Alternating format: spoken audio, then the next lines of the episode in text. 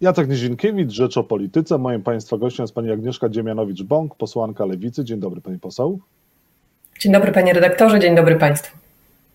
Może mogę Pani wejść w koalicję i czy też Lewica mogłaby wejść w koalicję 267? E, 276, jeżeli, e, jeżeli dobrze pamiętam e, deklarację, deklarację Platformy Obywatelskiej. No, Panie redaktorze, ja należę do tego grona polityków, polityczek, y, który, którzy bardzo cenią sobie współpracę, także współpracę na y, opozycji. I oczywiście, jeżeli chodzi o przyszłe wybory, wybory, które najprawdopodobniej odbędą się za niemal trzy lata, to ja w tej chwili nie wykluczam żadnej formuły, czy to kilku list, jednej listy, dwóch bloków opozycyjnych. Wszystko, wszystko jest przed nami. Natomiast to, co jest najważniejsze, najważniejsze w sytuacji kryzysu gospodarczego, zdrowotnego, kryzysu wywołanego, wywołanego wyrokiem Trybunału Julii Przyłębskiej, to to, czy opozycja, poszczególne ugrupowania, poszczególne partie, poszczególne kluby będą w stanie współpracować już teraz, bo dla mnie współpraca jest czymś, co się robi, a nie czymś, o czym się mówi. Dlatego cieszę się, że to właśnie z inicjatywy lewicy wyszła, wyszła propozycja spotkania, spotkania, które odbyło się w piątek, w którym udział wzięły przedstawicielki i przedstawiciele wszystkich partii opozycyjnych, e, gdzie rozmawialiśmy o tym, jak właśnie z jednego z tych kryzysów, mianowicie z kryzysu związanego z e, aborcją, z wyrokiem Trybunału Julii Przyłębskiej, wyjść, jakie znaleźć wspólne rozwiązanie. To jest ten rodzaj współpracy, który moim zdaniem powinien być dla nas teraz priorytetem, bo żaden polityk i żadna polityczka opozycji nie może po prostu załamać rąk i uznać, że ma wakacje do następnych wyborów, kiedy to ewentualnie jakaś wspólna czy niewspólna lista będzie konstruowana. Wyborcy, wyborczynie oczekują od nas współpracy tu i teraz i na taką współpracę z całą pewnością Lewica jest gotowa. Czyli teraz ta współpraca Lewicy z Platformą Obywatelską układa się pomyślnie, jak rozumiem.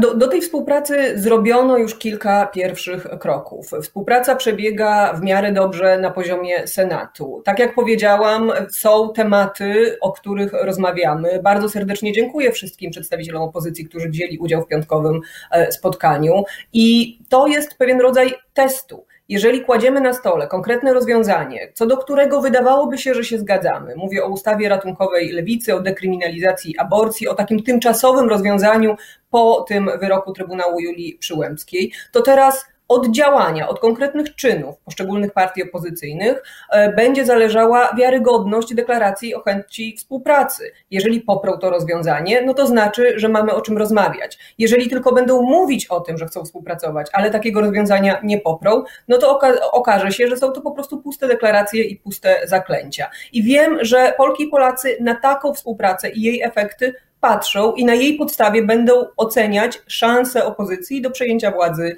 w 2023 roku. Patrzy Pani na to, co się dzieje w Zjednoczonej Prawicy, patrzy Pani na to, coś, jak rząd walczy z pandemią, na sytuację gospodarczą. Ma Pani takie poczucie, że wcześniejsze wybory są możliwe? Myślę, że są możliwe, dlatego że czas kryzysu, czas pewnej destabilizacji, czas kryzysu, z którym sobie ewidentnie Zjednoczona Prawica i rząd nie radzi, to są takie okoliczności, które mogą stwarzać szanse na wcześniejsze wybory.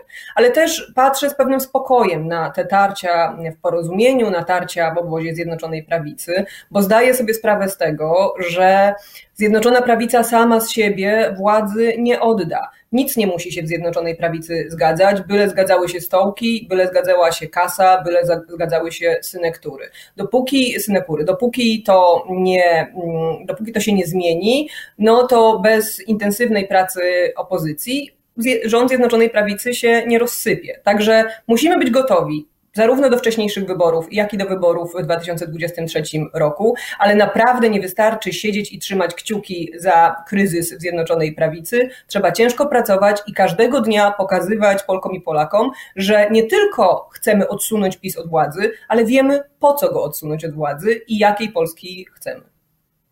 A pani czy też w lewicy koledzy nie chcą odsunąć e, Włodzimierza Czarzastego z funkcji szefa ugrupowania, ponieważ Adam Bielan mówi, znaczy Leszek Miller mówi, że już e, pan Czarzasty jest szósty rok swoją, e, pełni swoją czteroletnią kadencję i też nie zorganizował kongresu.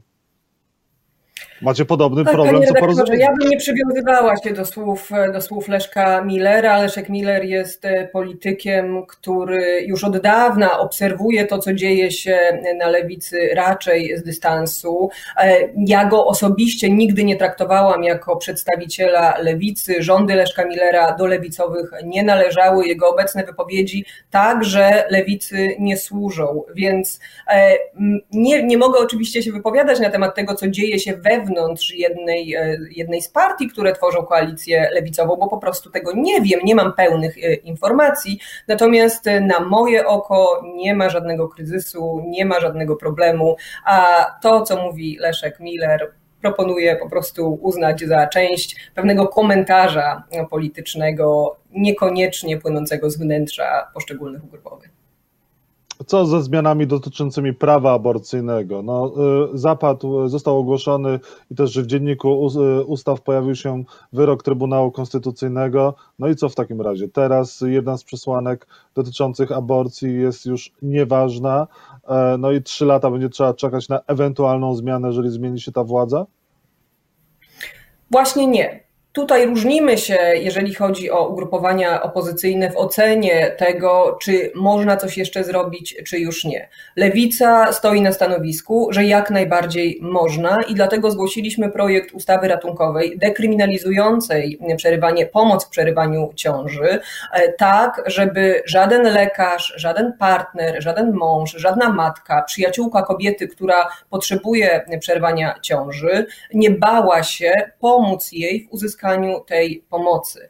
E, to jest zmiana w kodeksie karnym, zmiana w artykule 152, zniesienie do 12 tygodnia, zniesienie odpowiedzialności karnej, e, zagrożenia karą pozbawienia wolności lat 3 dla lekarza, który zdecyduje się przeprowadzić zabieg, czy dla matki, która zorganizuje tabletki wczesnoporonne, czy dla kogokolwiek, kto pomoże takiej kobiecie.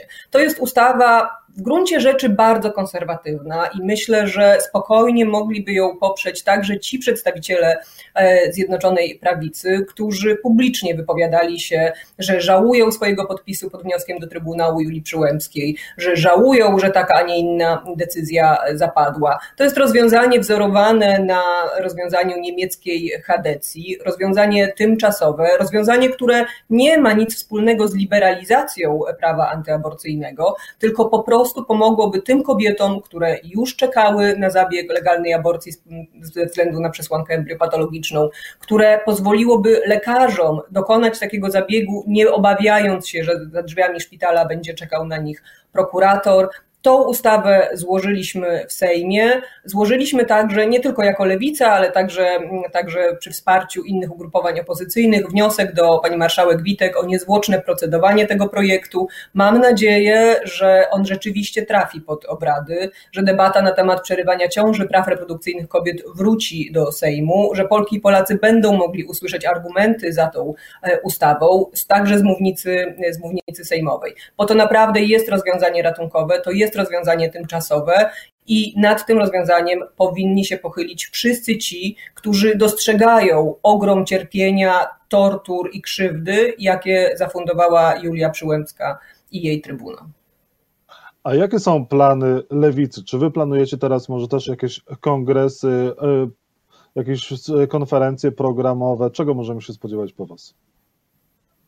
Lewica ma swój program, który komunikuje za pomocą po pierwsze konkretnych działań, ustaw zgłaszanych, ustaw ratunkowych, pomocowych dla gospodarki, dla pracowników, dla ochrony zdrowia i w tej codziennej pracy dajemy się, dajemy się poznać. Oczywiście są w planie także większe wydarzenia czy komunikaty, komunikaty, które będziemy w swoim czasie wygłaszać, ale Lewica cechuje się tym, że nie myli się nam czas kampanii wyborczej z czasem pracy parlamentarnej. Dziś, w czasie kryzysu gospodarczego, zdrowotnego, naszym obowiązkiem, niezależnie od tego, że jesteśmy opozycją, ale właśnie dlatego, że jesteśmy opozycją odpowiedzialną i konstruktywną, jest czas na taką intensywną pracę, a nie na udawanie, że jesteśmy u progu kampanii wyborczej, organizowanie konwencji, podkradanie sobie logo i przepychanie się, kto jest królem dżungli na opozycji.